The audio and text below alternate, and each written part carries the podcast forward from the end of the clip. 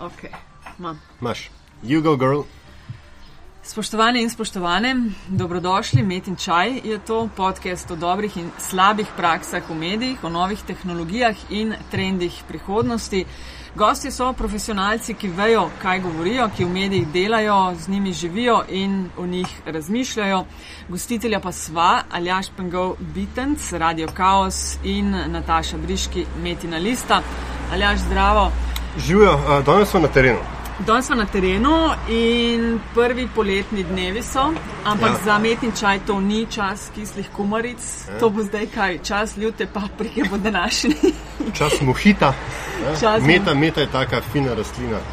Veliko se da z njo delati. Tako da midva bo še nekaj epizod uh, naredila. Tako ali Eh, drugače. Aha, med drugim, Aljaš, ti si bil eden od sedmih ali osmih, ki so poslali Ja, dejansko. zumet, do, ni- mislim, da je katastrofa.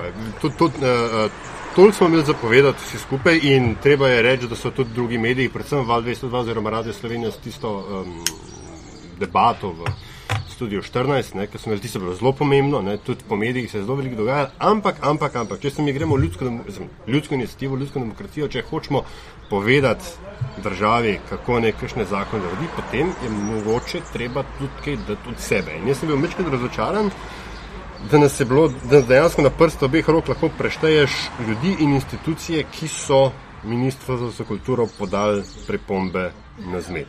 In to se mi zdi pa fino, no, da so vsem to poslušali, da so podaljšali javno razpravo in da bodo, če sem prav razumel, v bistvu predlog za no- novele zakona predelali in ga še enkrat dali v javno obravnavo. Tako da Oboje dobra novica Ja, ja. in uh, tudi jaz se z moram. malo, s- ja, ja. poboljšati v tem pogledu, ker sem imela zapovedati predvsem na, na temo komentarjev in bom poslala v tem. CCC.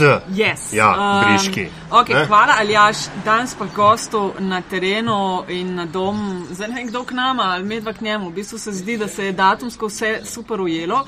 Skratka, spoštovani in spoštovane, danes je z nama v 52. epizodi Boris Dežulovič. Boris, zdravo. Zdravo. Vi, Boris Dežulovič. Ja. Jaz se bom takoj na začetku uh, opravičiti, što ću govoriti neku jugoslovenštinu, malo slovensko, srpsko, hrvatsko, bosansko, ali um, ne me... Nećemo se, neće, neće nas valjda ovaj, policija slušati. Neće, neće, neće. Je, su, oba dva medijska inspektora su uh, Na odmoru. mnogo... Su na odmoru. Na odmoru. Pa Da, da, da, da, da, nadam se, nadam se. Evo. Love Slovence po Dalmaciji i slušaju kako ga pričaju, šta govore. Ali ne, evo, stvarno, mi smo u Sloveniji, pogo- pogotovo naša generacija, mi smo učili neki jezik koji se tada zvao srpsko-hrvatski, pa... Da. Pa mislimo da znamo, ali A mno- znamo tako. Mnogo puta kad ne kasnimo smo zgodni, e, pa on- onda, onda kada smo umorni smo trudni i, ta, i tako. imamo da. evo kuzarac vode tu. Ali evo, Boris Dežulović, uh, vi ste, pa puno vas evo po slovenskim medijima. Bili, m, uh, bili to komentari, bili to u, pogotovo u dnevniku, bili to, šta ja znam, neke izjave i tako dalje. Bivša Jugoslavija, to je vaš prostor. Pa je, je, ja, ja ne mogu pobjeći od toga.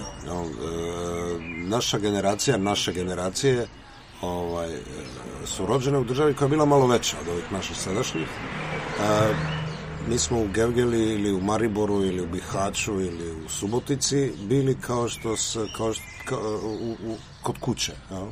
Uopće nije stvar jezika.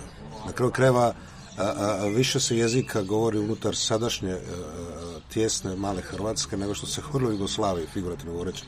Bolje se ja razumijem sa nekim u, u, u, Banja Luci ili u, ili u Vranju nego što razumijem, ne znam, Zagorca iz, iz, Bed, Bednje u, u, u, Hrvatskom Zagorju. Jezik je na kraju krajeva stvar dogovora. Mi se možemo dogovoriti kad kažeš da se to zove srpsko-hrvatski, hrvatsko-srpski, hrvatski ili srpski ili jugoslavenski ili engleski ili bantu ili kako god hoćeš. Swahili, ovaj, jezik je sredstvo komuniciranja. Ako se mi razumijemo međusobno, potpuno mi svejedno kako će se taj jezik zvati i što o tome misli zakon i država. Taj prostor, dakle, da se vratimo na to, taj prostor je, e, e, e, to nema veze s nostalgijom u Hrva- u Hrvatskoj, naravno, kao, kao i ovdje je vrlo popularno takve, ljude zvati jugonostalgičarama i dati im etiketu ovaj, nostalgičara za političkim sistemom, za komunizmom i tako dalje, to je budalaština, mi smo naprosto odrasli u malo širem prostoru i ja ne, ne odustajem od tog prostora. To uopće nema, e, potpuno je svejedno hoću li ja sad te prostore ići sa pasošem, ličnom kartom ili, ili kao nekad samo sa palcem e, na, uz cestu, ovaj, to, je, to je i dalje moj prostor. U tom smislu i radim. Prisutan sam u medijima više manje po cijeloj bivšoj državi i u svakoj uh, uh, pišem kao da sam kod kuće. Tako i, Predrag ja kad nastupamo sa našim kavareom, isto tako nastupamo kao kad smo kuće. Što znači da ja, da ja kad ovdje razgovaram nisam uh, hrvatski novinar, nego sam novinar iz Hrvatske. E, novinar, pisatelj, uh, ustanovitelj Feral Tribune, da. još uvijek t-shirt. Uh, Dobro je poklonio jedan, jedan prijatelj kad, kad, smo, ovaj, kad smo radili jednu proslavu godišnjice, pa tako još uh, ostavio, Feral je ostavio dubokog traga. I dan danas, evo sad je prije nekoliko mjeseci je... Uh, je ovo policija? Nije, nije. nije. Prije nekoliko mjeseci je novinar Boris Pavelić, novinar Novog lista, napisao debelu jednu knjigu o Feralu, ima 700 stranica, ispričao cijelu priču o Feralu, tako da i sad promoviramo tu knjigu po bivšoj državi i, ovaj, i golem je interes, rasprodano je, već se rasprodaje drugo izdanje i očito postoji kod ljudi, ajde da ti to nazovemo onda Feralo nostalgijom, zapravo potrebom, potrebom za Feralom, potrebom za jednim takvim medijem koji će koji će ovaj, e, njegovat kritički, uh, kritičku misao, kritičku prema stvarnost. Nažalost, u današnjim medijima toga očito nedostaje, pa je i povodom svih posljednjih događaja sve češće pitanje, naravno i meni i nama, kad će opet Ferrari? To je, to je, to je ono pitanje koje ne, od kojeg ne možemo pobjeći. Uh, bili ste do kolumni Slobodne Dalmacije. Ne znam ili je samo pravo kad kažem bili ste. Niste da, još jesam. Slobodna Dalmacija, ne, Jutarnji Globus, to je sad. Sve sam, sve sam Nema to otkaz. Sa 51 godinom opet u garažu, opet u šumu, u gerilu. Ne mogu više. Kapi prelila čašu. Korporacije su preuzele medije, to je sad već EPH za koji sam, za koji sam radio je bio korporacija i prije. Međutim, na čelu te korporacije nije ostao čovjek kojega su bar zanimale novine on je bio beskrupulozni predator tranzicijski koji se da htio obogatiti, ali se htio obogatiti novinama, znao je raditi novine, došao je iz novinarstva i znao je nešto o tom poslu. Imao je bar strast. Mi smo se razilazili u poimanju tih novina, naravno. On je gajao klasični a, a, a, onaj korporativni mainstream a, a, a, medijsku poetiku, a mene je zanimalo nešto sasvim drugo, ali, ali je bilo u toj korporaciji mjesta i za takve kao što sam ja, onda je prije nekoliko mjeseci kupio taj, e, e, taj holding je kupio Marijan Hažeković, to je jedan e, od advokat hrvatski koji se obogatio na ovrhama siromaha, na ovim penzionerima što duguju po, po 5-10 eura za telefonske račune i onda im ovrhama dižu po 150 eura i obogatio se na njima toliko je to da je kupio cijeli taj medijski holding i njega ne zanima, njega zapravo ne zanimaju novine njega ne zanima novine, e, e, njega zanima zapravo e, samo profit ili samo zaštita nečih, nečih, nečih političkih interesa, opet naravno radi, radi vlastito profit. To zaista više... Povod je bio, znam koliko, koliko je to nepoznato, povod je bio jedna sudska tužba koju je Slobodna Dalmacija izgubila zbog jednog mog teksta je, evo, sad da, ajmo nešto da, više, ma, malo od, više o ovoj uh, zapisu. To su po, poznate gnjide. Gnjide, znači, da, čuvena da, vi, gnjide. Da, vi ste prije tri godine u Slobodnoj Dalmaciji objavili kolumnu uh, Gnjidel, neko, nešto tako bilo je naslov. Uh, a onda uh, ove intelektualčine koje vi, uh, u kojem da, vi pišete... takozvani desni intelektualci, da. takozvani intelektualci. Da, oni su vas tužili, mislim tužili su Slobodnu Dalmaciju, onda prije nekoliko dana uh, Županijski sud u Splitu da. uh, kazao da, ste pro, da su povredili njihovu čast, ugled i dostojanstvo. Da. 150 tisuća kuna, što je nešto oko 20 tisuća eura. Oko 20 tisuća eura, da, da. Da, i sad to oni kao trebaju platiti, a vi ste vas zvali, e Borise, šta su... Mene je zvao glavni urednik i rekao da, ovaj, da je odluka uprave, odnosno novog člana uprave koji je, koji je instalirao ovaj novi vlasnik, da ja više ovaj, ne pišem kolumnu za svoju Dalmaciju. Ali da ostajete u, u, u, u... To je bilo samo za Slobodu Dalmaciju. Da, da, samo za Slobodu Dalmaciju, znači ja ostajem u EPH, ostajem kao kolumnist Globusa i povremeni uh, autor u jutarnjem listu. Međutim, ja sam onda ovaj, odlučio da, da potpuno napustim tu, tu kompaniju. E, način na koji je meni to e, saopćeno, na kraju krajeva dovoljno govori uopće o, o, o, o stanju i ulozi medija. Da nas mene nazvao, dakle, glavni urednik da mi, da, koji je u funkciji telefon, automatske telefonske sekretarice uprave, da mi prenese e, njihovu odluku. Znači, e, amputiran i suspendiran svaki integritet redakcije, glavnog urednika. Oni, o, to, to više uopće ne postoji. da ne postoji, na kraju kraja vidjelo se kasnije izostala i svaka reakcija iz kuće. Teško je naravno očekivati ljudi da sad da, da dižu revolucije, niti ja očekujem da zbog mene to rade, ali, ali ovaj, makar zbog sebe, međutim ljudi su prestrašeni, niko se ne buni, svi su ucijenjeni kreditima, poslovima, danas, danas kad imaš posao, to radi, šuti, drži se, drži se tog posla i to je napro, na, nažalost tužna, tužna stvarnost e, medija, ne samo u naravno Hrvatskoj, nego, nego mnogo šire. Pa baš to sam ti neku paralelu povući. Puno puta kad mi razgovaramo ovaj, o metenom čaju sa, sa, sa ljudima iz medija, pogotovo iz Slovenije, više manje ista tema. K-. Kako će ljudi koji, su, ko- koji imaju a, a, svojih socijalnih problema, ko, ko- koji teško Da. stave kruh na, na, na, sto, kako mi kažemo, kako će oni pisati o, o, o, o, socijalnim problemima drugih ljudi, Da. kako će oni um, ispostavljati evo, neke, ne, ne, neke socijalne nepravde i to- i tako dalje. To, kad sam pročitao vaš tekst uh, kojim ste u stvari dali Otkaz, da. otkaz šefu uprave, a,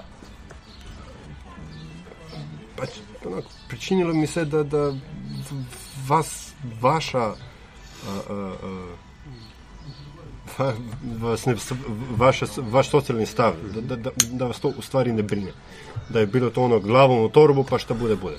Pa bilo je, na kraju krajeva nije prvi put u životu, imam nekog iskustva sa, sa davanjima i primanjima otkaza, ovaj, tako da mi e, svaki put se našao nešto, ne, ne, umrijeti od gladi neću, nešto ću raditi. Ja i prvi put kad sam u životu davao otkaz na užas mojih roditelja, to je bilo prije 25 godina, 24 godine, kad, e, kad je HDZ došao na vlast, upravo smo jučer proslavili Dan državnosti, taj veličanstveni historijski datume, tad je, tad je HDZ a, a, praktički okupirao a, tjednik Nedjeljna Dalmacija u kojemu sam ja radio i u kojem smo radili ferali, počinjali zapravo u novinarstvu.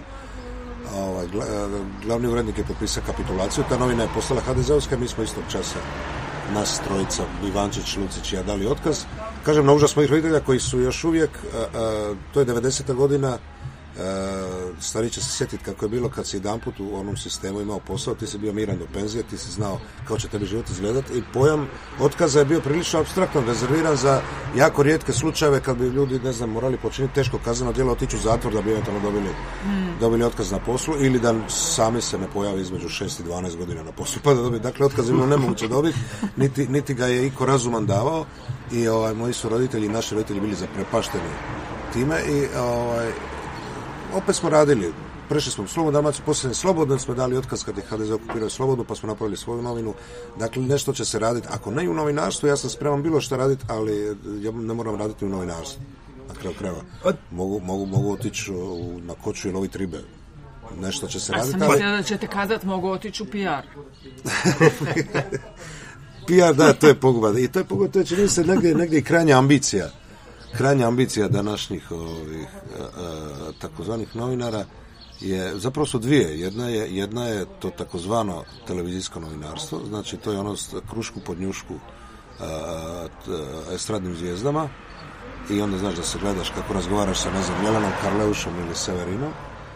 A druga je taj PR, to je, to je potpuno nešto, neki novovijeki fenomen koji ja ne razumijem da ljudi, da ljudi jer, to, jer to više nisu klinci, to je, imaš cijelu diviziju renomiranih novinara u Hrvatskoj koji su, koji su pristali a, a, za, ne znam, hiljadu kuna veću plaću a, raditi u PR-u raznih ministarstava, raznih kompanija i raznih nakon čega, a, po mom mišljenju, se oni, e, znaš, e, suspendiraju trajno kao novinar. Ja zaista ne mogu vjerovati novinaru koji je, koji je dvije godine radio kao e, PR ministarstva unutrašnjih poslova policije ili nešto. To je, to meni nije kredibilan novinar.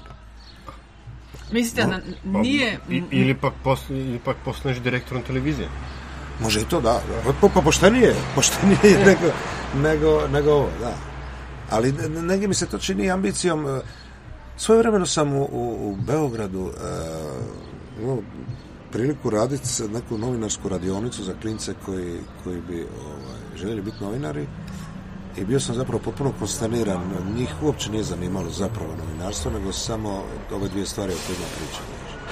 Kad su, kad su skužili da to novinarsko radionice se neće učiti televizije, onda ih je otprilike 98% otkazalo, a onih 2% je zapravo interesiralo, interesiralo to. Novinarstvo je postalo naprosto, ako to novinarstvo možemo nazvati, postalo samo jedan, jedan od tih korporativnih poslova sa nekom karijerom. jel?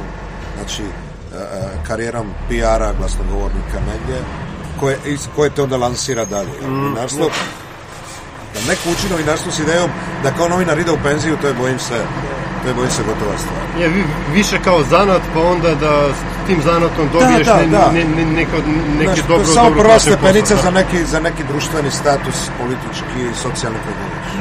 E kad ste vi dali otkaz, isto su s vama solidarno Pavičić i Tomić uh, i puno novinara, puno ljudi iz posla se potpisalo uz nekom ovom Da. pismo potpore i to.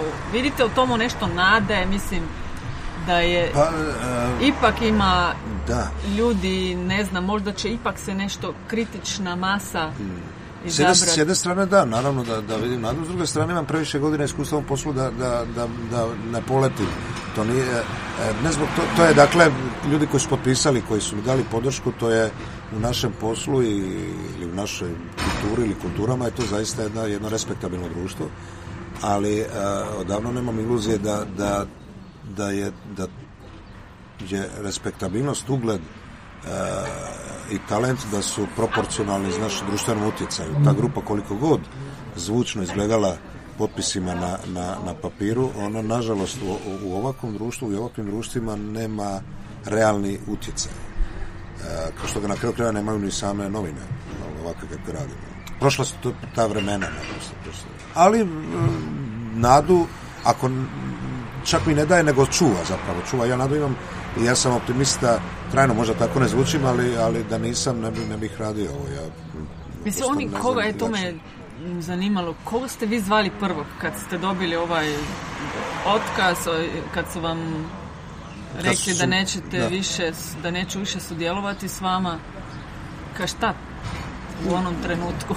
Ništa, pa, Niste pra- zvali mamu, mama, e, dobio sam otkaz. Ne, pravo, pravo da kažem, ja sam mm, onako malo nepristojno reagirao na telefon, poslao sam, a, primio sam tu poruku u znanju, poslao glavnog urednika tamo gdje mu je mjesto, to se valjda u ovim na, radijskim programima koje sluša jezična policija se te, ta mjesta ne spominju, a, a, onda sam, ovaj, se, kako sam ja, osim što sam novinar, ja sam i estradna zvijezda, ja naime sa Predragom Lucićem radim taj naš satirični kabare i to me za, ta me vijest, e, taj telefonski razgovor, zatekao u Dubrovniku gdje smo imali taj naš e, program, tako da sam se morao koncentrirati za nastup i nisam, ovaj, nisam dalje uopće razmišljao o tome. Poslije sam naravno javio par prijatelja današnje tehnologije, ako ništa drugo, nove omogućuju da se ta vijest raširi brzinom svjetlosti, tako da je otprilike 12 sekundi nakon što je, što je taj prijatelj stavio to na face, već cijela regija znala da sam ja dobio otkaz. Ali u drugu ruku, ovaj vaš otkaz šefu uprave, Da. je bio jako dugačak tekst. Je. A, a istina sam to pročitao na to portalu ili nešto tako? Stvari- Objavili su mnogi, da, da, da, da. E, kako, kako to onda ide? Gdje ste vi to, gdje ste vi taj tekst stavili Da, pa da, su ga onda drugi preuzeli? E pa, to je, to, tu, tu nove tehnologije preuzimaju, preuzimaju ovaj, stvar u ruke. Nekad, prije 20 godina da se ja to napravio, ja bi taj tekst a, poslao upravi i poslao bi ga nekim nezavisnim novinama da objave, onda bi to prenijele druge novine i tako. Danas je bilo dovoljno da ja to pošaljem na kolicini prijatelja, da oni to ovaj, rašire. Neki od tih prijatelji su novinari, onda su me samo nazvali, pitali možemo li to objaviti. A, kako se ne treba, kažem, u današnje vrijeme čekati sutrašnje novine, nego to portali, internet, ono, objaviti, tako da se to u roku, u munjevitom roku raširilo. Mislim da je prva, ova, prvi, prva objavila ova prijateljica sa N1 televizije, to je ova regionalna televizija, onda te portali, onda su na kraju svi, svi prenijeli, da. Dakle, ne ide za ne, ne, nekakvu subverzivnu mrežu koja sada se aktivirala. Pa da neka alternativna očito postoji, to je neki, to je neki, neki m, recimo zgodan primjer e, ka- kako to funkcionira. Jel? To, to zapravo nije nije e, e, e, klasični medij, već zapravo se ra- zapravo više neka gerilska mreža koja, koja seže od ne znam od tih nekih većih kompanija, regionalnih televizija iza kojih ne znam stoji CNN, do nekih potpuno gerilskih malih alternativnih portala, na kraju krajeva Facebooka i tih društvenih mreža. Da. Oni su tužili ne samo Slobodnu Dalmaciju, već i vas osobno. I mene osobno i to me tek čeka. To To me tek čeka taj proces. Ja A to su sad počeli tužiti Ne, još, još, nije nisam dobro, još nije počelo, još nije počelo, ali ja sam, meni se javili već moji prijatelji ovi odvjetnici, to, to je, to su možda i najbolji hrvatski odvjetnici koji su u međuvremenu postali zvijezde, a koji su koji su izgradili karijere na Feralu, kad smo, kad smo, hvala Bogu, sa Feralom na sudu bili više nauk od kuće. Onda su nas branili zaista najbolji hrvatski advokati, od Vesne Laburić do, do Ante Nobila, Čede Prodanovića i tako dalje. E, branili su nas u to vrijeme čak i besplatno, zato što naravno odvjetnicima su takvi procesi sjajna prilika za, za, za reklamiranje, pošto oni ne smiju reklamirati. Sjećam se suđenja onog čuvenog kad nas je Franjo Tuđman tužio. Ovaj, to je bilo ko u američkim filmovima, bila je puna sudnica e, novinara iz cijelog svijeta, CNN, BBC, Sky News, sve, onda su ti, onda advokati su nam bili, ja mislim, na, naš advokatski tim je bio ono who is who in Croatia. to je najbolji hrvatski advokat. Naravno, dobili smo. e, u- ubili smo Franju Tuđmana na sudu. Čak nam ni, on tada na, u, u svom pravosudnom sistemu nije mogao nije mogao ništa i, ovaj, i eto ti advokati su mi se javili i rekli su da, da ovaj, ćemo ići do kraja, ćemo do Strasbura ako treba ali ovaj ali nećemo nećemo se predati jer to je jer sad naravno nisam u pitanju ja niti 10 ili 20 hiljada eura nego je u pitanju zaista pravo na, na, na slobodnu riječ ta bitka očito nikad ne završava da mi neko rekao prije 25 ili 30 godina da ćemo se 2015. još time baviti između ostalog i još i time ovaj, pomislio bih možda da, da će sve biti uzalud, možda bi se ne bavio ovim. 25 godina se dakle bavimo istim stvarima. To je zanimljivo, jer onako zamišljam si da, da negdje na urednom zapadu, čovjek koji je proglašen najboljim europskim komentatorom, Da, kao naj, čestitke na ovoj nagradi. Hvala. a da bi imao nekak više o, prostora za mane- e, mjesta za manevriranje. Da, Da, da, da da. se može priuštiti malo više nego, nego neki komentator ili novinar početnik. Ali kao, Da, kao na, Bal- da, na Balkanu, pejorativno rečeno, a, kao da mu svi žele očitati lekciju. Ma dobro, nije, nije, nije ni to možda nelogično, ajde, da, onda, znaš, valjda si veća riba pa si ribolovcima zanimljiv. Nije to meni, nije to meni ovaj, samo po sebi sporno. Kažem, u ovih 30 godina sam bio na sudovima toliko i zbog tolikih raznih stvari da to meni nije ništa, ni to mi nije novo iskustvo. Samo što nisam očekivao da ćemo se 2015 opet nalaziti. E, po tim, e, pritom treba razdvojiti dvije stvari. E, uređena, uređeno društvo naravno poznaje institut klevete i treba da poznaje i treba urediti na kraju krajeva medijski prostor e, ne postoji apsolutna sloboda, to znamo. Uvijek je sloboda ograničena tuđom e, e, slobodom, tako i u mediji, kako i u, ne znam, na ulici, tako, tako i u, i u medijima. A, ovdje se naravno ne radi, e, e, u ovom slučaju se ne radi samo o tome da sam ja može biti uvrijedio, da ja jesam uvrijedio te ljude. Da se razumijemo. E sad je sad pitanje, pitanje je e, pravosuđa, odnosno države, kulture, društva, da uredi slobodu, moju, slobodu moje uvrede u odnosu na ono što su ti ljudi napravili. Ja? Da sam ja nekoga na ulici uvrijedio, to je klasična uvreda. Ako, ako ja uvrijedim e, javnu ličnost zbog toga, jer ja, osim što sam njih uvrijedio, a jesam ih uvrijedio, ja sam taksativno, e, vrlo precizno argumentirao zašto ja mislim da su oni gnjivi. To je naprosto vrijednostni sud koji, koji, koji je elementarni institut e, novinarstva, odnosno sloboda mišljenja, sloboda mišljenja u novinarstvu. Ja nisam rekao samo njima vi ste gnjide uskličnik, nego sam rekao vi ste gnjide zato što to, to, to i to. To je vrijednostni sud i to treba braniti. Njih, e, ovdje sad nije u pitanju naravno ni njihov ugled, ni moj e, novčanik, već je u pitanju naprosto e, prostor slobode i, i utoliko je ta, ta borba važnija nego što bi bila u jednoj običnoj građanskoj pa, sudske parnice. Izgleda da kao su, ne znam, nakladnici sve češće odbijaju da stoje iza svojih Da, novinara. to je najnoviji, to je najnoviji, najnoviji uh, uh, sjajni fenomen novih medija. Uh, prije 15-16 godina, kad sam recimo ovaj, uh, otišao iz Ferala, onda sam gledao šta ću dalje u životu, dakle to mi je bio recimo jedan od mnogih mojih otkaza u životu. Ovaj, onda sam gledao što ću uh, dalje u životu. Nije bilo u Hrvatskoj tada, to, je bio, to su bile zadnji dani Tuđmanovog režima. Nije bilo mnogo medija koji bi me htjeli. Je, jedan, zapravo jedini koji me htio bio novi list, Riječki, koji je tada važio za jedini nezavisni dnevnik u Hrvatskoj. Međutim, oni su se uplašili bili uh, mene i mog uh, jezika i onda su ugovor, sjećam se, stavili klauzulu da oni u slučaju da neko tuži novi list zbog mog teksta, da oni ovaj, peru ruke i da ne, ne stoji za toga. E, meni je to bilo tad šokantno, ja sam naravno odbio to i, i tako sam završio u korporaciji koja je, koja je pristala na sve moje uvjete ali ovaj ali tad kažem mi to bilo šokantno. Danas to davno više nije šokantno. Danas je uobičajeno da ovaj da novinari čak i potpisujući kolektivne ugovore se ovaj odriču zaštite redakcije e, u takvim slučajevima. To je potpuno nevjerovatno. To je to je jedan od ne znam od, četiri osnovna postulata uopće ovaj novinarstva je to da redakcija ako je ako radiš za njih, na kraju kreva ako je pristala objaviti tvoj tekst, urednik ne mora objaviti moj tekst. Ako je moj tekst utuživ, urednik će reći, sjajan ti je tekst, ali bojim se da bi to izgubili na sudu, nećemo objaviti, ja onda se naravno naljutim i sve bude ok, ali to je njegovo, njegovo zaista pravo, on je glavni urednik, ja sam novinar.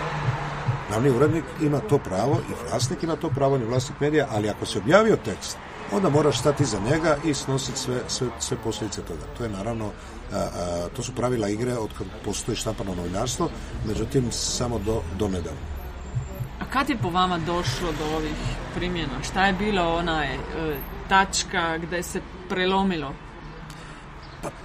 Je bo, mislim, ne znam, je to kad smo išli iz, ne znam, pa ne mogu ni kazati za onaj prošli sistem da su ljudi slobodno mogli pisati što su željeli, ipak i nije bilo to, Meni ipak je bila bi- ne, cenzura, ali Ne, bila je naravno, ali bi- bilo je poštenije, postojala je naprosto partijska cenzura.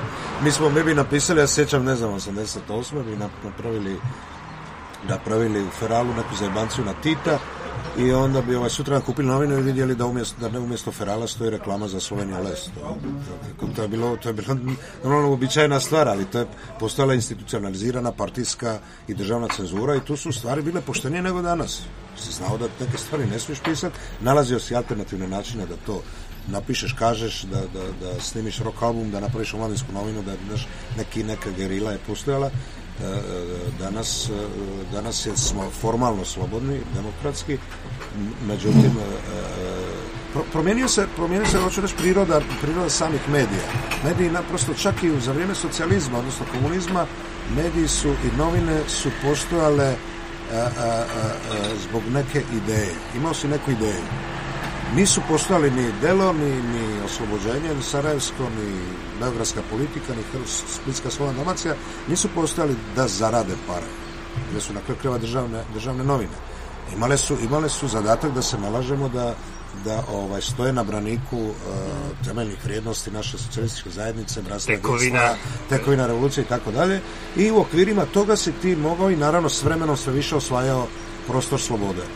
Ali su to bile novine, sad mi kad smo radili uh, omladinske novine, također ih nismo radili da zaradimo pare. Kad smo napravili na kraju krajeva Feral u, u novom sistemu, nismo ga pravili da zaradimo pare. E, Kad, kad imaš ambiciju zaraditi pare, onda je izdavanje novina prilično loša ideja, nije to baš pametna ideja. Znači u novine ideš, ideš zbog nečeg drugog. U novine ideš da, da posjeduješ istinu, jer imaš potrebu i čitatelj ima potrebu, ti imaš i potrebu da kažeš, a čitatelj da pročita istinu. Dogodila se kao i sa novim sistemom, čak i ne samo kod nas, to, to fenomen je mnogo širi, to da su, da su novine zaista postale samo i mediji, samo još jedan biznis. Mm. Ja. E, ljude uopće zapravo ne zanima novinarstvo kao posjedovanje istine, kao već ih zanima isključivo kao način da, da, se da, da kako zarade može za cijenu četiri dobiti pet. Tako je, promijenila se struktura, na kraju krajeva nekad si prije 30 ili 40 godina u, u, u strukturi e, prihoda neke novine ti je bilo, ne znam, 70% ti je bila naknada, odnosno tiraž, 30% oglasi. Danas je više nego obrnuto. Danas ja mislim 80% e, novina zarađuje oglasima, 20% tiražem i to je naravno mijenja samo strukturu e, takvog medija. On se više ne obraća zapravo čitatelju nego oglašivaču. Znači pritisak kapitala, što Tako je je. jeftinije, Nema više, što više. Tako je, nema više e, partijskog komiteta koji će, te, e, koji će ti nazvati urednika i reći slušaj, nemoj se zajebavati, smije to ići u novine, nego danas postoje šefovi marketinga koji kažu glavnom uredniku super je ovaj tekst o, o, o otkazima u Telekomu, ali nama Telekom daje milijon eura godišnje oglasa, ajde da mi to lagano preskočimo, tako da umjesto ideologije e, nastupa kapital i, ovaj, i preuzima u tom smislu ne samo medije, nego, nego cijelo društvo. Ali, ali nekakav paradoks, pogotovo što se štampe tiče, je, je, je u, u, u tom tom vidiku, pošto pogotovo u bivšoj državi štampa je u krizi i krizi identitete, krizi, krizi financija, krizi pa ajde i, i, i, i morala. A, da povučem neku paralelu sa, sa možda jučerašnjim koncertom Boba Dilna, super je, ne- neki možda i plate pare da to vide, ali najbolje godine već su odavno prošle. Mnogo meni se čini. Da, da. Ali, ali o, o, onda ne, recimo, Economist kao, kao, kao globalna tvrtka, oni, oni su masovno profitabilni i ja mislim da, se, da oni drže nekakve standarde žurnalizma ipak. Da. Dakle, može se. Zašto se to ne može ovdje? Pa zato što, daš, ko, ko, što, ko što sam ja pokušao u Splitu, kad sam, kad sam uh, uređivao uh, stan na Bačvicama, pokušao posijati englesku travu, pa je bi ga nije išlo. treba, treba, naprosto, naprosto treba očito malo, malo, malo i vremena, treba nam to, te, te, tog engleskog strpljenja u, u sijanju trave i u sijanju medijskih sloboda na krkave i, i pro, profesionalnih standarda. Ja. Mi, mi smo uh, vrlo lako uskočili u to korporativno e, novinarstvo, jer smo zapravo i u socijalizmu imali poslušničko novinarstvo i samo smo promijenili gazdu. jel. Nismo nikad, e, ili ako smo imali, jako kratko smo imali zapravo periode u kojima bi ti odgojio je bar jednu generaciju novinara koja će imati e, svoj profesionalni integritet. E, u, u Slobodnoj Dalmaciji, recimo, e, urednik koji je koji je meni pustio pa se pokajao taj tekst o gnjidama je isti urednik koji je, koji je nama micao taj zajebanciju s Titom 88. i, i objavljivao oglase Slovenija Lesa. Ti se, se ljudi samo prešaltali u, u, i zapravo njima to nije problem. Oni su profesionalci, oni znaju svoj posao, ali i znaju koga treba slušati. I oni su dobri, dobri svakom vlasniku, svakom sistemu, svakoj državi. Mi nismo naprosto imali, a, nažalost, ni jednu jedinu generaciju novinara koja bi, koja bi se odgojila, pa samim tim odgojila sljedeću, koja bi se naučila pravilima igre, koja bi imala svoj profesionalni integritet. Novinarstvo, redakciju koja bi u ovakvim slučajevima naprosto stala iza svog teksta, iza svog urednika, novinara, koga god, nakon koje si ti kao vlasnik u problemu. I danas za to napravi neka redakcija, a mnogo ih je u ovim, zapravo su sve u, raznim problemima, čak i danas u ovom brutalnom e, korporativnom e, neoliberalnom kapitalizmu bi vlasnik bio u problemu da mu recimo cijela redakcija od 80 ljudi stupi u štrajk i kaže mi nećemo sutra izdati novine. On ne može podijeliti 80 otkaza čak, čak ni, čak ni po, po, po, ovim, po ovim zakonima ili čak i može, ali, ali, ovaj, ali je u velikom problemu. Samo što su, evo, pa se vraćamo na ono, svi su preplašeni. Nemaš, oni, zato jer nemaju, nije problem što, što nemaju novaca, nego nemaju integritet, profesionalni, a onda i ljudski na kraju. Uh, sorry, um, Feral Tribune, uh, um, u stvari, vi ste ga prestali izdavati. Da. Ko, ko, 2.8, mislim, a vi ste 37. otkaz dali od 99, 99. da. Da, da. A ja mislim da je samo što je večernji list isto tako prestao da, da, da izlazi ili sam to pogrešio. Ne već list izlazi još. A, ko- ko- ima koji, koji ko- štampani medij, mainstream medij u Hrvatskoj koji je propao, da tako kažem. Pa od ovih, od ovih velikih propao je samo vjesnik. Vjesnik, da, da, da, vjesnik pogrešio državni, sam, da. to je zapravo jedina kad bolje pogledaš, ovaj, klasična velika državna socijalistička novina u bivšoj Jugoslaviji koja je propala, snašli su se i delo i oslobođenje i politika i, i, i Nova Makedonija Podgorička pobjeda, sve su preživjeli osim vjesnika. Vjesnik, eto, bio je najveća kuća. Mm. Jugoslovenska je propala. To je naprosto je bila je preveliko u, u, u, u, nakon pada komunizma i socijalizma zapravo doživjela sudbinu velikih svih ostalih velikih socijalističkih kompanija poput brodogradilišta ili čeličana. Po, pošto neka malo teoriju koju imam da se jedan od razloga da se ništa u suštini ne promini je to da ništa velik, veliko još nije propalo.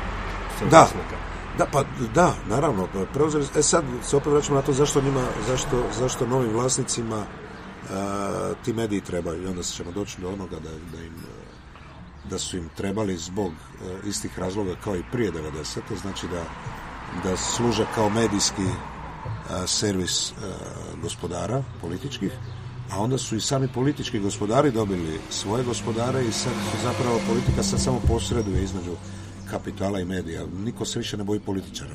Mm. Novinari se, čak ni mali redakcijski, novinari se više ne boje političara. Sad se zapravo uh, boje vlasnika, odnosno, a vlasnik im je zajednički i političaru i njemu.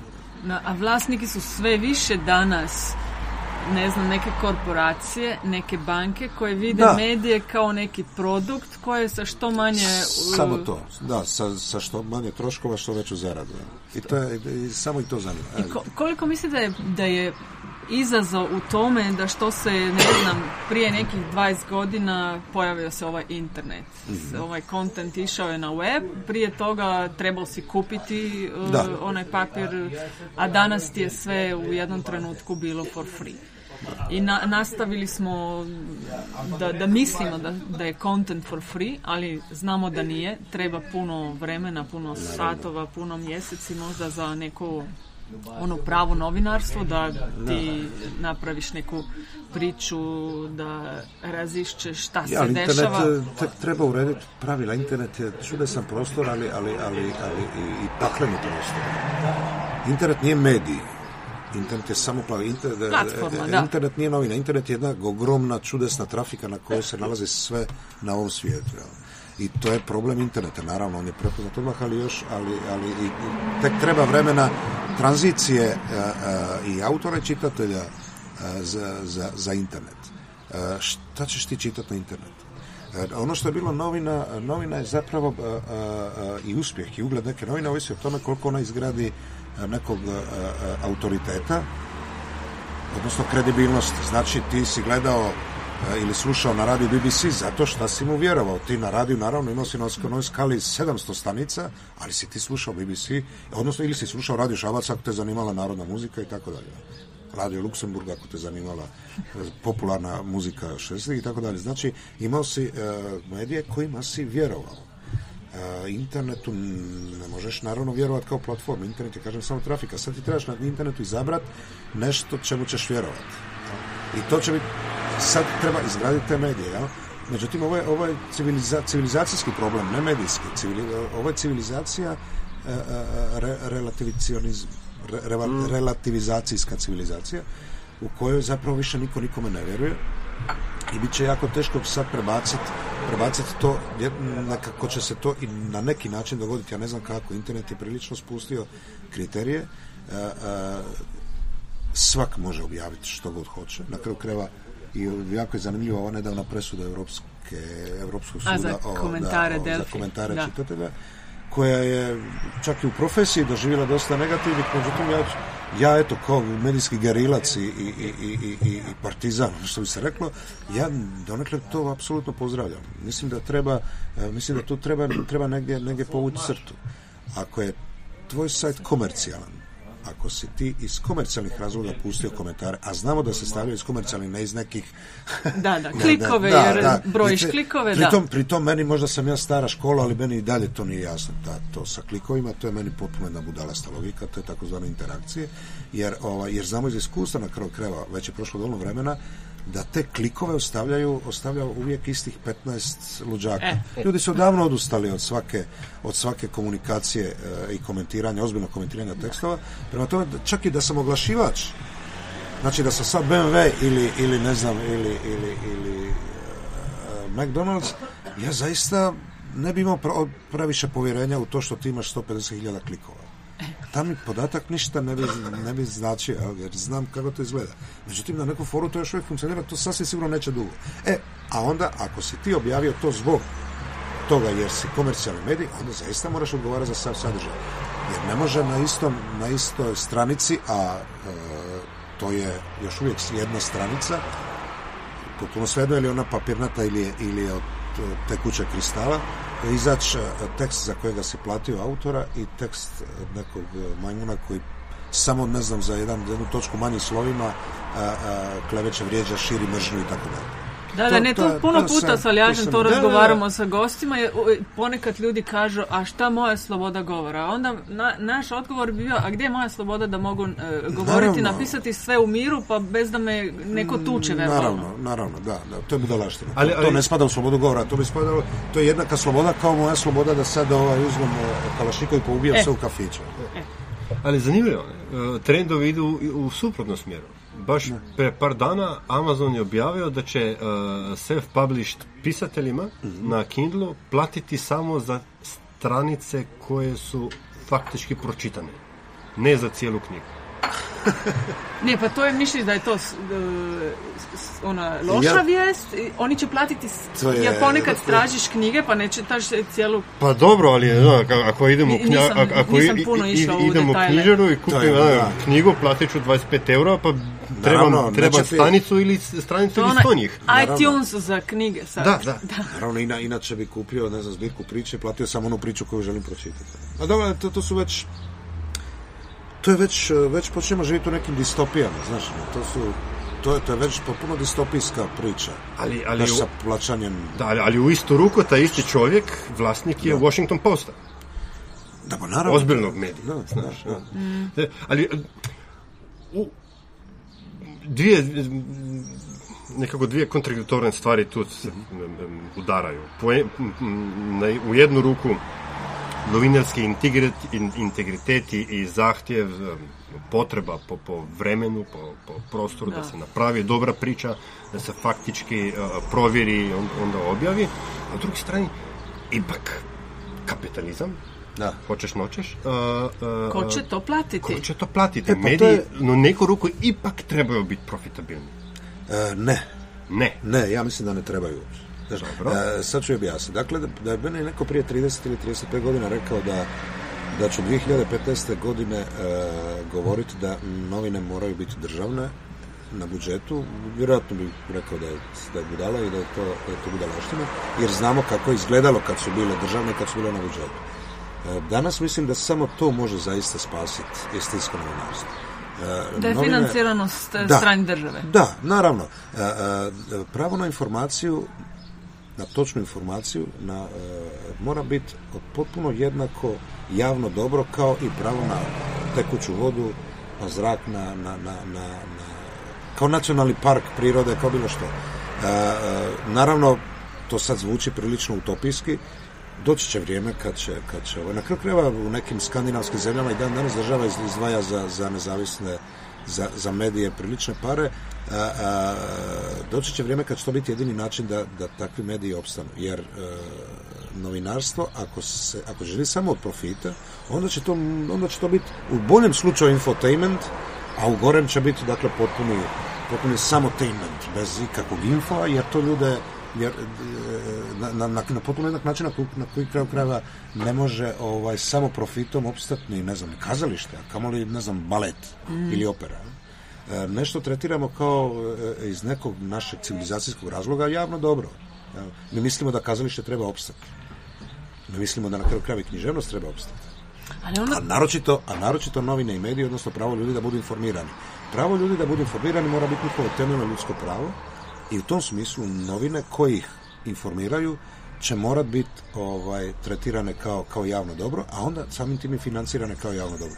U nekoj sutrašnjoj uređenoj državi ta će država plaćat takav medij, plaćat će novinare da je kritiziraju, da, je, da, da tjeraju ministre na ostavke i tako dalje, ali će ti mediji biti plaćani iz budžeta jer će to biti jedini način. Na kraju kraja vidimo gdje nas je dovela logika da samo e, ta neoliberalna logika da će se tržište samo regulira, to je prevara koju, na koju nismo nasili naravno samo novinarstvo, nego, nego uopće ono, u društvu.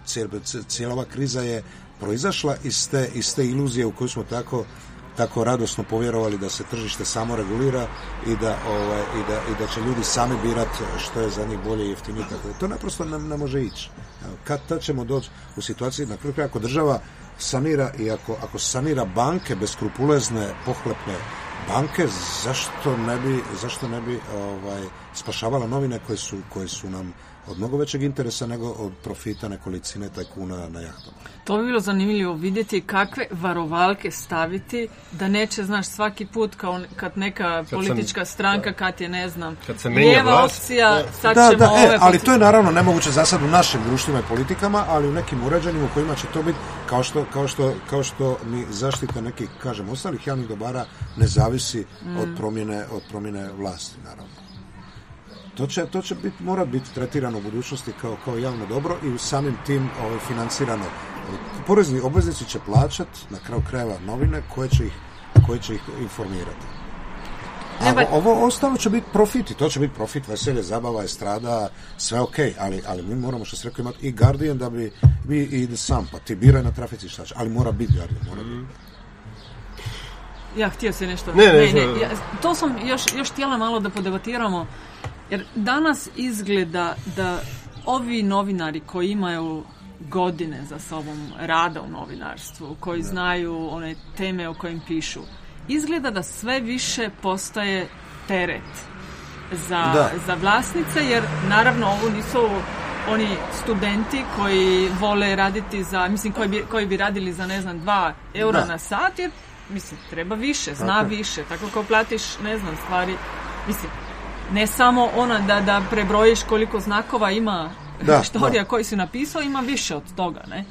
Uh, ali izgleda da o, vi, ste, vi ste jedan od najčitanijih kolumnista sigurno u, u ovoj ex-Jugoslaviji, uh, ali ipak su ovi brojevi kad samo imaš neki tabloidni news, nešto sa, ne znam, Kardashian, sa Lej, sa Severinom Da, i to, koji može e, automat da ispiše, ima, ne znam, koliko puta više Naravno, ovih naravno. klikova. I neka, I neka ima više, nemam ja ništa protiv, naravno, jel, to je stvar je sad naprosto civilizacijska. Na kraju krajeva nije to ni, ni, ni novi fenomen. Relativno nedavno sam čitao jednu pripovjetku Čehova u kojoj, u kojoj u vlaku negdje u Rusiji godine recimo 1890. razgovaraju jedan stari moskovski gospodin i jedan mlađi i ovaj stari se žali na moskovske novine 1890.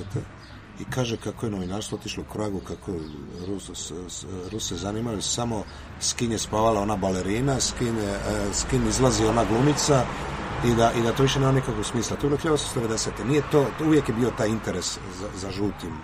Ni, ni Da, ali tabloidi to je nisu bilo nova pojava. bile, znaš, kad su A, bile poručila, to je bilo, ne znam, Ali, 30. ali- minuti. A sad počinjemo Da, dnevnik sad sa je- koje cipele je nosila da, da. premijerka. Pa kažem, naprosto, će, naprosto ćemo ovaj, e, stvari civilizacijska i tu, znaš, vjerojatno, vjerojatno ovaj, živimo u nekom histo, jednom od onih historijskih ciklusa koji se jako teško prepoznao iznutra, znaš, ono, svaka je civilizacija Da, da, da. svjetska dolazila do vrhunaca i padova, mi nezadrživo kročimo ka tom raspadu rimskog carstva, ono, u svakom smislu, jel, e, e, to je valjda to dekadentno vrijeme s kraja, s kraja zapadnog rimskog carstva u kojem, u kojem se raspadaju sve vrijednosti, sve, e, e, sve, svi autoriteti na kraju krajeva i taj antiintelektualizam kao pojava je, nije samo naša, to je, to je svjetska pojava. Pa ta se ima ljudi- puno ja, Sjedinjene američke države, imaš senatore koji Da, imaš u idio- kreacionizmu, ali- ali- ali- imaš- znaš, ono, imaš, da, to počinje od škole, Da. znaš, ti, ti, ti što si veća budala, ti si veći car, mega car, legenda i kako se to već sve zove. Ali, ono, ali je zanimljivo kako smo preuzeli ove, ove, ove uh, uzorke. Sve najgore, Da, da. sve Sve slabo, da, ja, i, da. i, i kako brzo se to, se, se to preuzelo. Sve najgore preuzmemo, a, a ništa što valja ne, ne preuzmemo. Na kraju kad spominješ Guardian, sve smo iz engleskog novinarstva najgore uzeli, ali nemamo, nemamo BBC, nemamo Guardian, nemamo ništa od toga. Ali svi obećaju, svaka politika, da me- pogotovo recimo kad je postao premijer Borut Pahor, njegova, je- jedna od njegovih uh, kao rečenica bila je da ipak trebamo slovenski BBC. A mislim, mi, niko, niko od nas ne treba, ne trebamo slovenski BBC, ne trebamo hrvatski BBC, trebamo samo jedan uredan Trebaš slovensku televiziju, da javni BBC, servis. Da. naravno, da. Ali, ovaj, dobro, to čim, čim ti, pazi, političar, premijer ili predsjednik Republike kaže da mu treba BBC, to je nešto, to, to ne vjerujem. Nisi nikad čuo uh, Churchilla ili Tonija Blaira da kaže meni treba BBC, ne, treba, treba. Ajde, Miška, ali re- reci, recite mi, em, čini mi se da ste, ste em, veoma u kontaktu sa trendovima ili, ili, ili um, budalaštinama svake zemlje bivše Jugoslavije. ono. A, a, kad pišete o, o, o Sloveniji, kao da tu živite.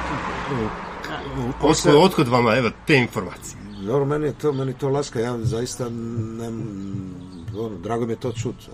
Pa pazi, fo- kažem, to je i dalje moj prostor. Ja zaista, i dan danas, evo prošle 25 godina, ja kad prelazim granicu i kad moram pokazati uh, pasoš ili ličnu kartu na granici, ja mislim da me snima sni- skrivena kamera. Meni to još uvijek se, ja nisam navikao da to, znaš, pasoš ili lična karta se pokazuje na talijanskoj ili bugarskoj granici, šta imam pokazivati ovaj, u Bregani ili a e, bez obzira kažem na jezičnu barijeru na kraju mi smo slovenski ili makedonski učili preko onih sportskih pregleda ovaj stripova, muzike na kraju krajeva slušali smo, slušali smo slovensku muziku E, nažalost ne govorim slovenski, ali ga bez problema čitam, tako da pratim između ostalog i, i slovenske ovaj, e, medije prepoznajem naravno u mnogo čemu e, e, koliko god Slovenija daleko pobjegla još 90. i prije, naročito prije. Puno je dalje Slovenija bila od, od Jugoslavije 85. nego 2015. Sad je, sad je, kao sad je već negdje oko Cazina. Tad, tad je, boga mi, bila tad je, boga mi, bila ispred Londona. Često I prepoznajem, tu. nažalost ne toliko često, u- Sloveniju više sam tamo po ovim južnim na našim a, republikama, živ, stjecam životnih okolnosti ničim drugim, ali, ali razmjerno često sam i tu, da, evo i sad sam kod prijatelja i tako često. Čuvam ta prijateljstva, čuvam, čuvam e, taj prostor kao svoj na kraju intimni prostor. Ni meni ni Jugoslavija na kraju kraja bila jedina domovina. Ja sam i u Italiji bio uvjetno rečeno kod kuće. Ne pristajem naprosto, ne, ne mogu se, ne, ne može me niko natjerati da, da Hrvatsku doživim kao svoj uh, uh, prostor, jer mi je pretjesna. Ja s- sjedim u auto i već u drugoj brzini sam na granici. Tjesno mi, ali fali mi, fali mi zraka. Naučili smo naprosto na mnogo šire, ne politički kažem, nego čak i u svim ovim drugim stvarima, u kulturi, u medijima. A rodom iz, rodom iz Splita. Da, To je kao, kao hrvatski Maribor, ja mislim. Drugo, pa, drugo, recimo da, da, Da. drugi grad, drugi grad onako in- industrijski, lučki, e, ružan prljav zao. E, kad smo već u Splitu i kad si ti, Da. ja sam isto opazila, e, primijetila Aljaš ovu neku vezu sa Slovenijom. Meni je bila jedna od najljepših kolumna koje ste napisali, Mhm. objavljena u dnevnikovom objektivu Adios Bra- Adios. Da, da. To je bilo, mislim, to je bio on, arhitekt, nema ga više Arhitekta među nama, onaj nek, je, nekrolog. je autor, da, Ljepši na. E. kolumna nego bilo koji Da. arhitekt koji mu se poklonio. To je bio zaista... Bilo je, da, pa za, jer bilo je e, i, i dan danas, znaš, ne, ono što je nekad nama bilo normalno, danas otkrivamo kao, kao povijesne kuriozitete, znaš, neki Slovenac je ovaj, sagradio zapravo e, pola Splita. To je bio najveći arhitektonsko-urbanistički e, projekt u Splitu nakon Dioklecijana. I to je bilo sjajno napravljeno. To je, opet govorimo o tom, o tom vremenu. Dakle, nije taj socijalizam bio samo e, partijska cenzura i, i, i, i političko jednoumlje. Tamo se radile neke vrijedne stvari. Mi se danas odričamo svega prije 90. pa se onda u tom smislu i toga odričamo, što je potpuno idiotski. Ti znaš, znaš, nama prenos utakmice Hajduk Dinamo počne tako da reporter kaže ovo je, ne znam, a, 72. utakmica Hajduka i Dinamo od 90. i oni računaju samo utakmicu 90. Hajduk i Dinamo su se igrali i jednako zvali i, i 82. i 62. Međutim, te se utakmice iz nekog razloga ne računaju. Eto, govorim dakle o toj vrsti ovaj, povijesne amnezije, potpuno idiotske, ovaj, o- odricam svega, pa onda negdje tu treba tražiti korijene a, a, a, i, i totalne društvene devastacije svih vrijednosti, jer nije sve bilo bezvrijedno u tom socijalizmu, odričući se svega i socijalizma, pa tako i vrijednih stvari, naprosto smo ispilali granu na kojoj smo, a koja je već bila lijepo izrasla i moglo se iz nje što napraviti, međutim mi smo krenuli iz početka i krenuli iz početka na najgori mogući način. ovo je samo jedan od primjera. Nama je Slovenac sagradio pola Splita, napravio to sjajno, a, kad smo odlučili ovaj, a, taj posao raditi sami, kad smo napravili našu vlastitu državu i raditi sami, napravili smo u Splita ono što je danas, to kako bi rekao, turistički Las Vegas, ko, potpuno, po, koji se približava znaš, nekom, nekom Dubrovniku, koji, koji gubi svaki urbani i svaki drugi smisao. U vrijeme kad su, kad su nam Slovenci to radili, dakle ne mislim samo naravno Slovenci bilo ko, kad je postala ta interakcija i pameti i talenta, onda su te stvari radili ipak ljudi koji to znaju i koji su bili talentirani za te stvari. Zašto uh, počeo u čini mi se da sva vaša poetika ili metaforjalni aparat potiče iz Splita. Bi- Bilo je to sport, bilo to arhitektura.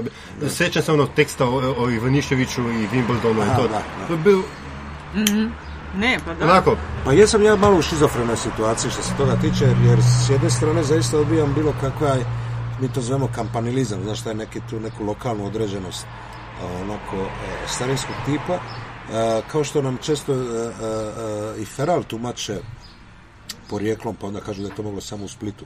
S jedne strane, s jedne strane se prilično snažno opirem tome, jer mi smo zapravo, ako, ako, ako, ako i nas trojica iz Ferala i svaki posebno, ako, ako imamo neke veze sa splitskom tradicijom, onda je možda samo to što smo odlučili raskinuti sa svakom splitskom tradicijom. Dakle, s jedne strane imam tu potrebu da se odredim znatno šire. Mene nije odgojio Split, mene su odgojile neke ploče, neki filmovi, neki stripovi, razumiješ, koji su prilično daleko od Splita. A s druge strane sam ostao zaražen tim nekim a, potpuno splitskim a, a, virusima, prije svega sport i dan danas, ja tu imam 50 godinu, još pameti nemam.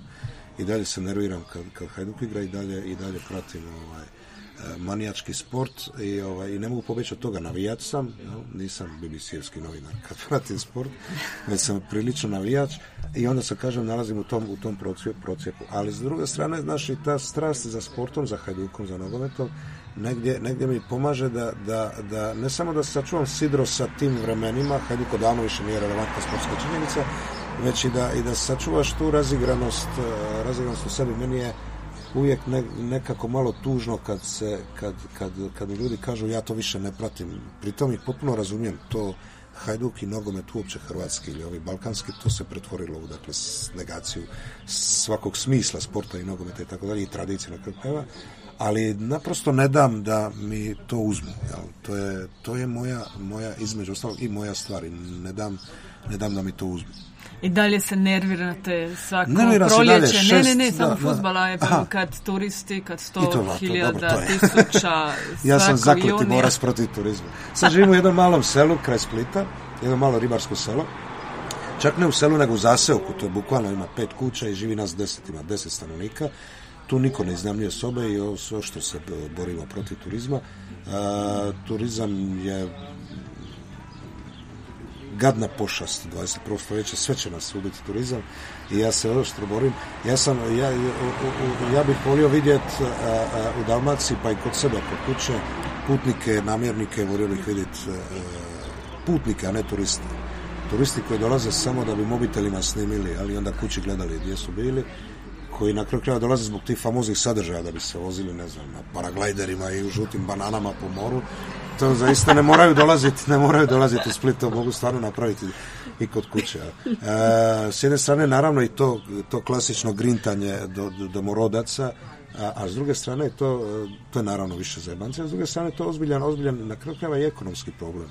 Ja sam pisao i nekoliko tekstova na tu temu. Ja, a, kada razvijaš turizam kao monokulturu, nije problem turizam, nego monokultura. Dalmacija, ili sadaći Hrvatska, cijela živi od turizma. Jedna jedina godina da se dogodi bilo kojeg nekog političkog potresa ili elementarna nepogoda ili nešto, ovaj, ti će ljudi svi propast. Banke će preuzeti ono malo što se ostalo ljudima privatnog prostora kojeg sad iznajmljuju.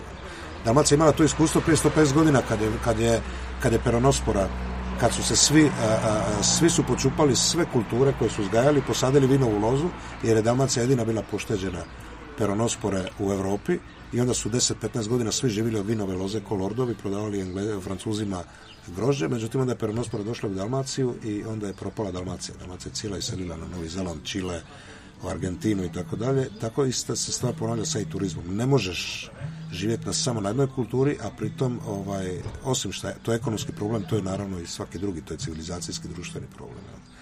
Turizam je, e, ja zaista mislim da je turizam pošast i da se treba svim sredstvima boriti protiv toga. Ne, ne, ne, ne zvuči vam, zvuči vam dobro, da, da kažem naravno da niste dobrodošli. Da, ne, dođite naravno u Dalmaciju, ali nemojte dolaziti kao turisti, dođite kao dragi gosti, kao putnici koje, koje zanima, ovaj, koje na kraju kraja opet se vraćamo na infoteme koje ne zanima samo zabava.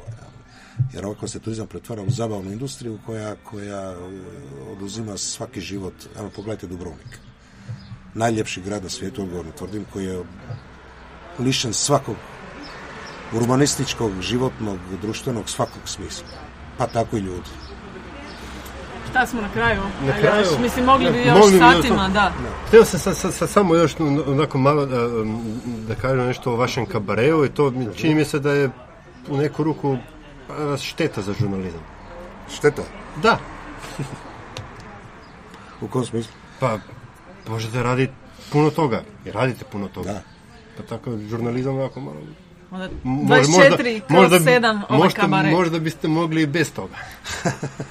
ne, dobro, ovaj kabare naravno nije to kla, to nije, to nije, ovaj, to nije zabavni program, to što predav ja radimo, to je ovaj, nastavak ferala drugim sredstvima. Mi, mi nekako kroz tu, kroz taj naš, uvjetno rečeno, jer to nije ni kabare, to mi sedimo za stolom i recitiramo poeziju i pjevamo, ovaj, nije, to, nije to ni klasični kabaret.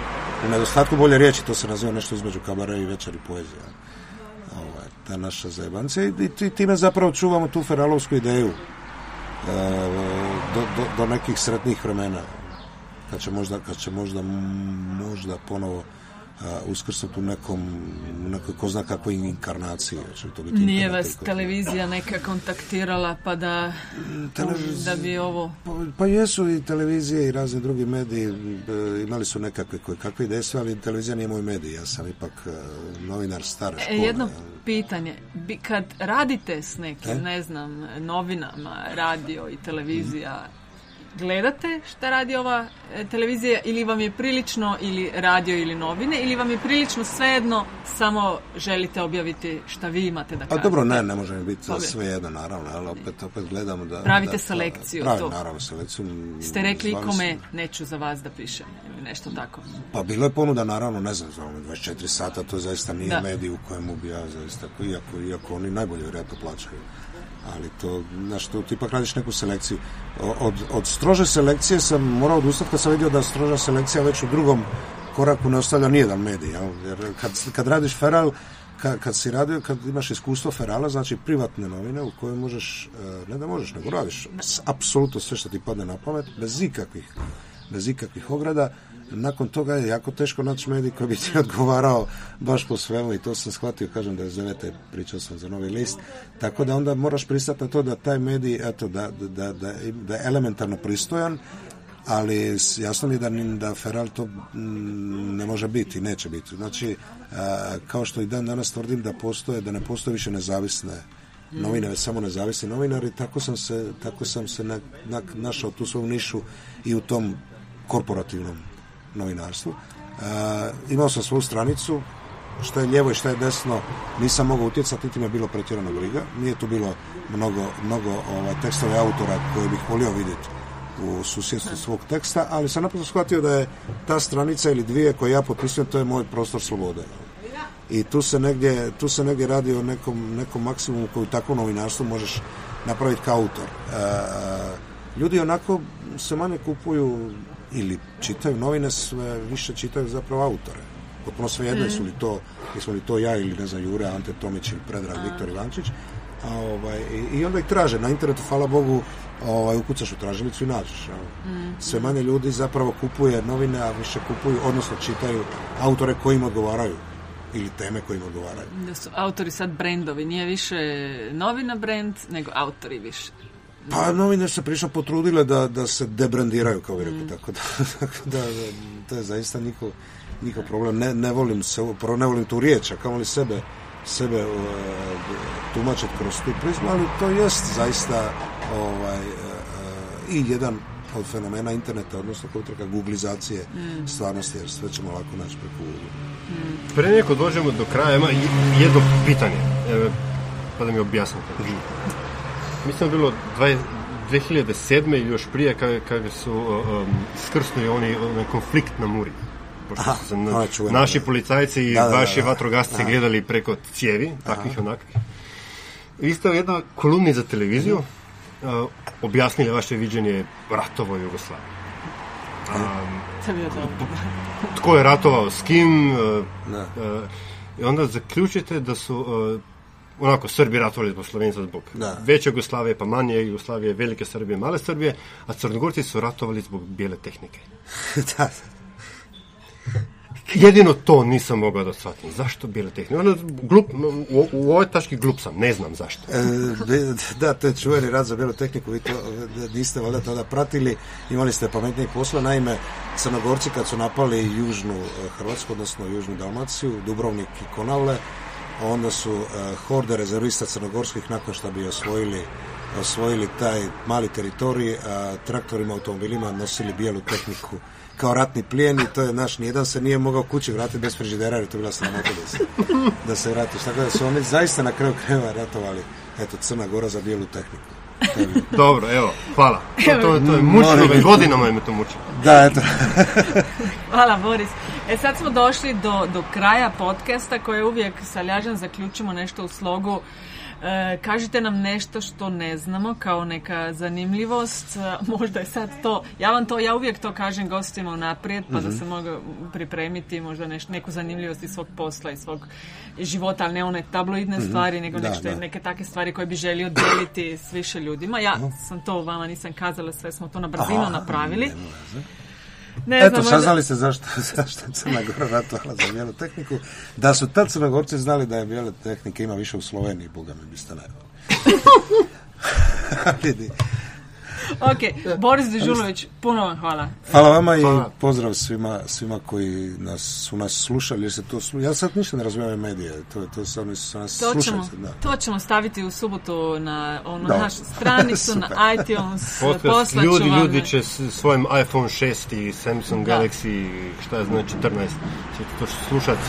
To se sa, e, e, Slovenci, k- Ajde sad priznaj koliko ti je dao Samsung za, za ovu rečenicu. Da. To svaki ima. Ja se neki- cijelo vrijeme pitam zašto on radi u stvari šta radi. Sad vidiš, u zadnjoj sekundi se razotkrije. Stvari, powered by Samsung. je, je, Imamo. ima Nokia. Ej, A, Ima pro- Nokia. propalu firmu. A, Eto, da, propala firma. mi smo, zapravo da, mi smo, mi smo e, glasnici propalih firmi i kulture. Ok, Boris, puno hvala. Uh, Hvala. Aljaš, evo, uh, to je bil 52. Metin čaj. Uh, najdete nas na spletu pod metinalista.si. Na Twitterju smo afna metina lista, na Facebooku Aljaš je na Twitterju uh, Pengovski. Jaz DC43. Hvala, ker ste z nami in hvala za podporo in vse prijazne tvite in tudi tiste manj prijazne. Vse nam pomaga, Aljaš, da smo še boljši, da vidimo, kje lahko smo, bomo v naslednji sezoni, čeprav bomo v tej sezoni še malo migala, uh -huh. pa pa greva malo v avgustu um, na odmor godišnji uh, in se vračamo jeseni, ampak dobro, do takrat Ja, nismo še tako. tam. Tako da hvala lepa, tis, če bi pa želeli naše vsebine na spletu podpreti, uh, najdete povezavo na spletni strani metinalista.si. Hvala. Ćao. Hvala, čao.